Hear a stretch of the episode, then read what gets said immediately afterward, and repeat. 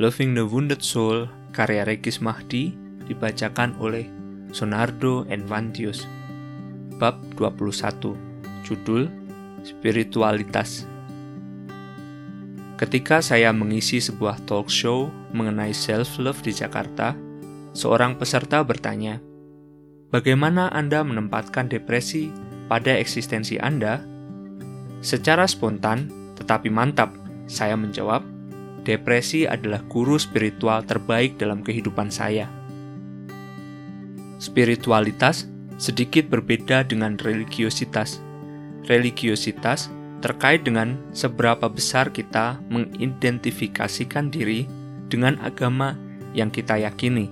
Sedangkan spiritualitas adalah keterhubungan kita dengan diri sendiri, tujuan hidup dan makna hidup, dengan lingkungan dan dengan manusia lain, serta perasaan transendental. Depresi membantu saya terhubung dengan banyak orang, sementara saya membagikan cerita kepada publik.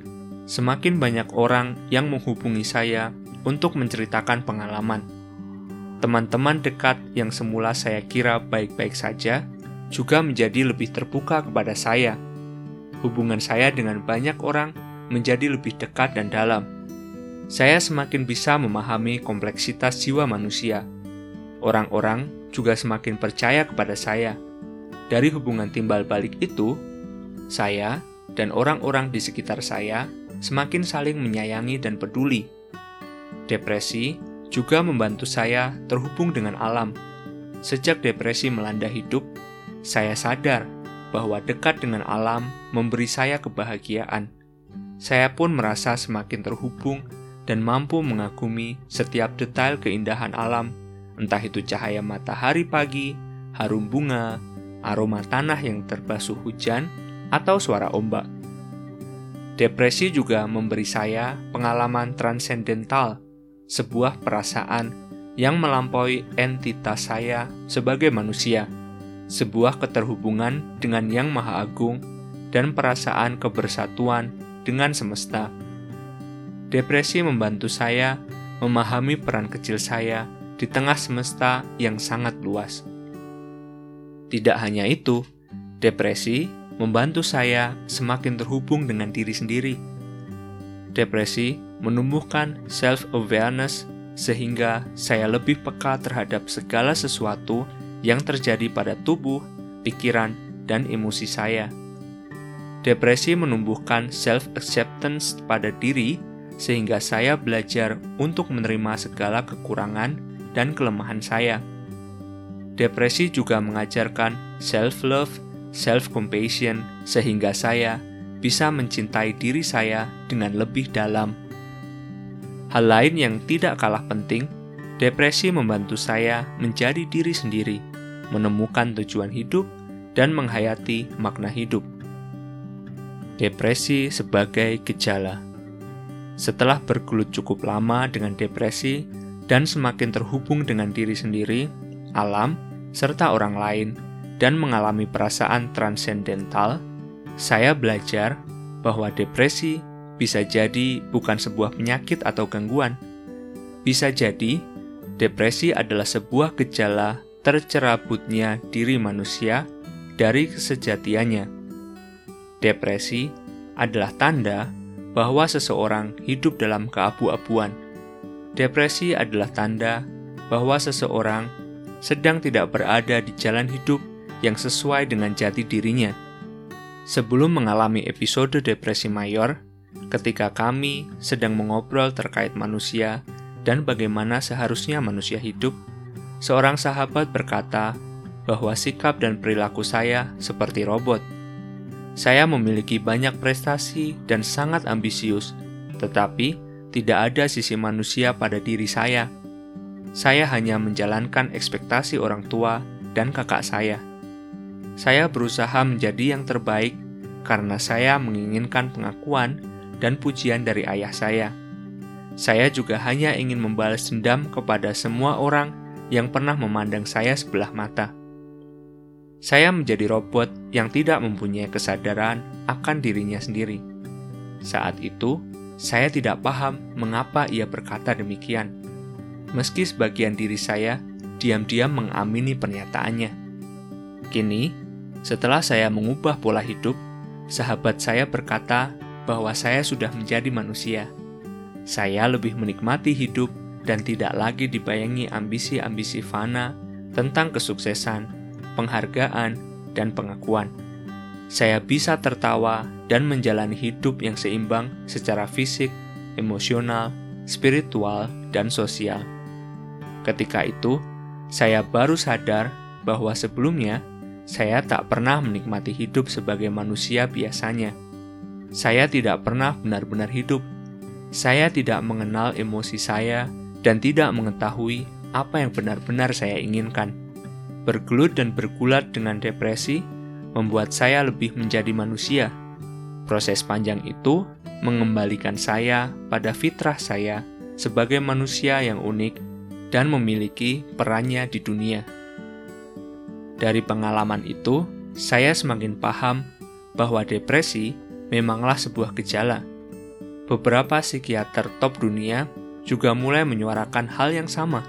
Misalnya, Terry Lynch, seorang psikiater yang menentang antidepresan dalam bukunya Beyond Project, Healing Mental Suffering Without Drugs.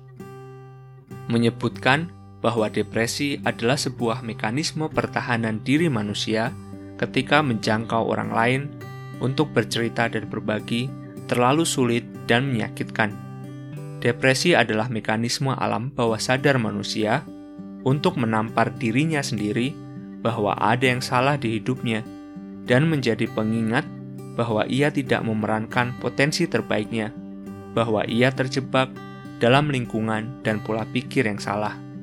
Dorothy Rowe, seorang penulis terkemuka mengenai depresi, mengibaratkan depresi selayaknya sistem peringatan dini dalam diri manusia – Sistem peringatan ini adalah hadiah penting yang dianugerahkan kepada manusia. Tanpanya, kita bisa sangat tersesat dan kehilangan akar. Ia termasuk psikolog yang tidak sepakat jika seseorang menggantungkan kesembuhan depresinya pada obat semata. Bahkan dengan tegas, ia membuka bukunya dengan menyatakan bahwa obat untuk depresi bukanlah pil, melainkan kebijaksanaan. Pada bab awal buku ini, saya mengatakan bahwa depresi adalah penyakit dengan berbagai gejala. Namun, pada bab ini, kita akan melihat depresi sebagai gejala dari sebuah kehidupan yang fana. Louis Hay menulis mengenai hubungan kesehatan fisik dan spiritual, lebih jauh lagi menyebutkan bahwa semua penyakit, termasuk penyakit fisik, adalah mekanisme alam bawah sadar manusia penyakit bisa mengindikasikan pola pikir yang salah atau emosi negatif yang belum selesai. Tulisan Louis Hay sudah saya bahas di bab ketidaknyamanan fisik. Makna hidup manusia. Viktor Frankl, seorang psikiater yang sempat ditahan Nazi selama tiga tahun, mewawancarai orang-orang dengan pertanyaan utama, "Mengapa Anda tidak bunuh diri?" dan menuliskan refleksinya atas jawaban orang-orang tersebut pada buku berjudul Man's Search for Meaning. Pertanyaan itu bukanlah tanpa alasan. Viktor Frankl pernah merasakan sendiri kejamnya kehidupan di dalam kemah tahanan Nazi. Ayahnya, ibunya, saudaranya, dan istrinya yang sedang hamil dibunuh oleh Nazi. Selama tiga tahun, ia dan tahanan lain setiap hari diselimuti ketidakpastian mengenai nasib mereka. Selama berada dalam tahanan Nazi, Victor melihat masih banyak semangat kehidupan yang bersemi di antara para tahanan. Ia menyaksikan bagaimana beberapa tahanan memilih tetap hidup agar bisa meringankan pekerjaan tahanan lain, karena setiap tahanan juga diberi berbagai pekerjaan. Para tahanan saling berbagi makanan dan merawat kesehatan. Viktor Frank cukup beruntung karena akhirnya dapat terbebas dari kemah tahanan Nazi. Ia kemudian kembali bekerja sebagai psikiater yang kebetulan banyak berhadapan dengan pasien depresi dan suicidal. Pengalamannya di kemah tahanan dan penelitiannya mengenai orang-orang yang depresi dan suicidal membantunya merumuskan tiga cara manusia dalam memaknai hidup. Pertama, adalah cara kreatif, yakni makna hidup yang ditemukan melalui penyaluran kreativitas dan menciptakan karya seperti menulis buku, melakukan penelitian, membuat lagu, mendirikan bisnis, dan lainnya. Viktor Frank bertemu dengan orang-orang yang depresi berat dan ingin bunuh diri, tetapi memilih bertahan karena masih ada karya yang ingin mereka ciptakan. Mereka ingin meninggalkan karya itu sebagai warisan untuk dunia. Kedua adalah cara experiential, yakni merasakan makna hidup melalui pengalaman, misalnya merasakan cinta, terhubung dengan manusia lain, terhubung dengan alam, atau keinginan mengunjungi suatu tempat. Kekasih saya bercerita bahwa ia menemukan makna hidupnya semenjak merawat kucing-kucing jalanan di sekitar rumahnya. Perasaan terhubung dengan kucing-kucing jalanan itu memberinya makna di tengah kekosongan hidupnya.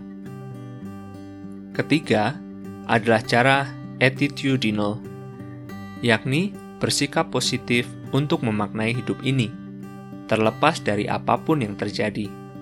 Cara ini biasanya digunakan oleh orang-orang yang pernah berhadapan dengan penderitaan yang tidak bisa dihindari, seperti kemah tahanan Nazi, atau menghadapi penyakit yang tak tersembuhkan dan tidak dapat melarikan diri dari kondisi itu. Namun, mereka dapat memilih sikap hidup terhadap kondisi itu dan mengisinya dengan makna. Viktor Frank sendiri memilih untuk memberi makna atas peristiwa di kemah tahanan. Ketiga cara ini adalah cara manusia memberi makna pada hidupnya, yang sering kali menjadi pengikat manusia dengan kehidupan dan membuat mereka tidak mengakhiri hidup. Alangkah baik ketika kita semua bisa menemukan makna hidup masing-masing. Salah satu dari ketiga cara itu bisa menjadi alat yang membantu bermimpi, berkarya, dan berbahagia. Bermimpi, berkarya, dan berbahagia adalah prinsip baru yang saya yakini dalam hidup saya dan saya nikmati setiap saat. Prinsip ini sudah lama saya tuliskan di buku harian saya yang semakin saya hayati seusai membaca buku Viktor Frank. Menengok ke belakang, ketika depresi menguasai, saya sadar sama sekali tidak punya bayangan akan masa depan. Segala mimpi yang dahulu saya miliki rasanya sirna. Saya hanya menginginkan kebahagiaan dan kesembuhan. Namun, keinginan bahagia secara egois justru semakin membuat saya jauh dari pulih. Keinginan bahagia dan sembuh semata ternyata tidak cukup untuk menjauhkan saya dari pikiran bunuh diri. Pikiran bunuh diri justru semakin pudar ketika saya memiliki keinginan untuk sesuatu yang lebih luas, memperbaiki kondisi finansial, menulis buku mengenai depresi, membantu sesama, mengurus anjing dan kucing jalanan, serta memikirkan kesehatan orang tua. Kini saya pelan-pelan menata kembali hidup. Saya bermimpi untuk menulis banyak buku dan artikel mengenai depresi serta isu-isu kesehatan mental saya bermimpi untuk terus mengembangkan organisasi saya, pijarpsikologi.org. Saya bermimpi untuk meneliti perjalanan kesembuhan, healing journey, orang-orang yang mengalami gangguan mental. Saya ingin melanjutkan studi S3 bidang neuroteologi, bidang yang mengkaji aktivitas saraf di otak dan keimanan, atau mindfulness. Saya bermimpi menjadi suara bagi orang-orang minoritas yang terpinggirkan agar mereka tidak merasa terabaikan. Saya bermimpi membangun animal sanctuary untuk kucing dan anjing liar. Saya bermimpi membangun museum kesehatan mental di Indonesia. Sebagian mimpi mungkin terdengar utopia yang terlalu mengawang-awang, tetapi saya menghayati mimpi itu dan berharap semesta mendukung agar suatu hari bermetamorfosis menjadi nyata. Setelah menyusun mimpi, pelan-pelan saya mulai berkarya kembali. Sekembalinya ke Indonesia, saya fokus pada kesembuhan mental dengan berkonsultasi ke psikolog lain.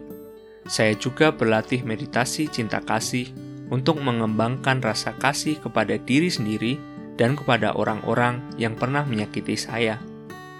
Saya menulis beberapa artikel mengenai depresi di pijarpsikologi.org dan juga menulis naskah buku ini.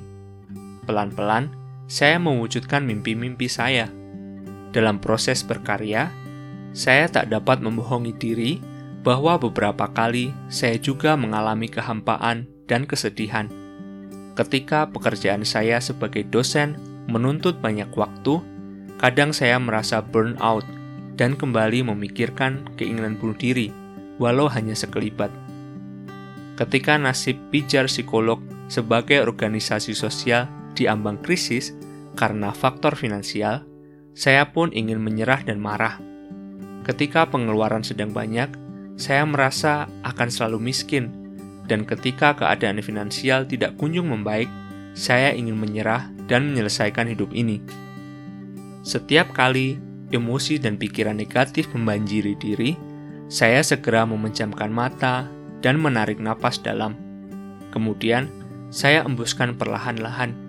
Bersama udara yang keluar, saya mengikhlaskan emosi dan pikiran negatif untuk pergi. Bersama udara yang masuk, saya kembali memegang kembali pikiran dan emosi. Teknik mindfulness sederhana itu saya lakukan untuk menjaga diri agar tidak terkonsumsi oleh perasaan negatif berkepanjangan. Setelah kembali tenang, saya akan mengevaluasi berapa lama saya telah bekerja, kapan terakhir saya istirahat. Jika memang sudah melampaui batas, saya akan meninggalkan semua pekerjaan untuk memberi hadiah pada diri sendiri. Entah itu makan enak, pergi ke pantai terdekat, menonton film di bioskop, menginap di rumah teman, menonton YouTube seharian, karaoke, atau sekadar ke kafe untuk bertukar cerita. Semua aktivitas itu dulu tidak pernah bisa saya nikmati, karena saya selalu merasa bersenang-senang hanya membuang waktu. Namun sekarang kondisinya berbeda. Saya mengizinkan diri saya berbahagia. Saya mengizinkan diri saya bahagia di tengah-tengah pekerjaan. Saya mengizinkan diri saya benar-benar bahagia saat liburan. Saya mengizinkan diri saya berbahagia atas segala hal kecil dan sederhana di hidup ini. Saya mengizinkan diri saya bahagia setiap kali memberi makan kucing di jalan, setiap kali melihat pohon di pinggir jalan yang gersang, juga ketika melihat matahari terik atau awan mendung. Saya berbahagia atas semua hal, dan saya yakin semuanya akan baik-baik saja. Selalu ada awan cerah setelah hujan reda, dan selalu ada matahari terbit setelah malam berakhir.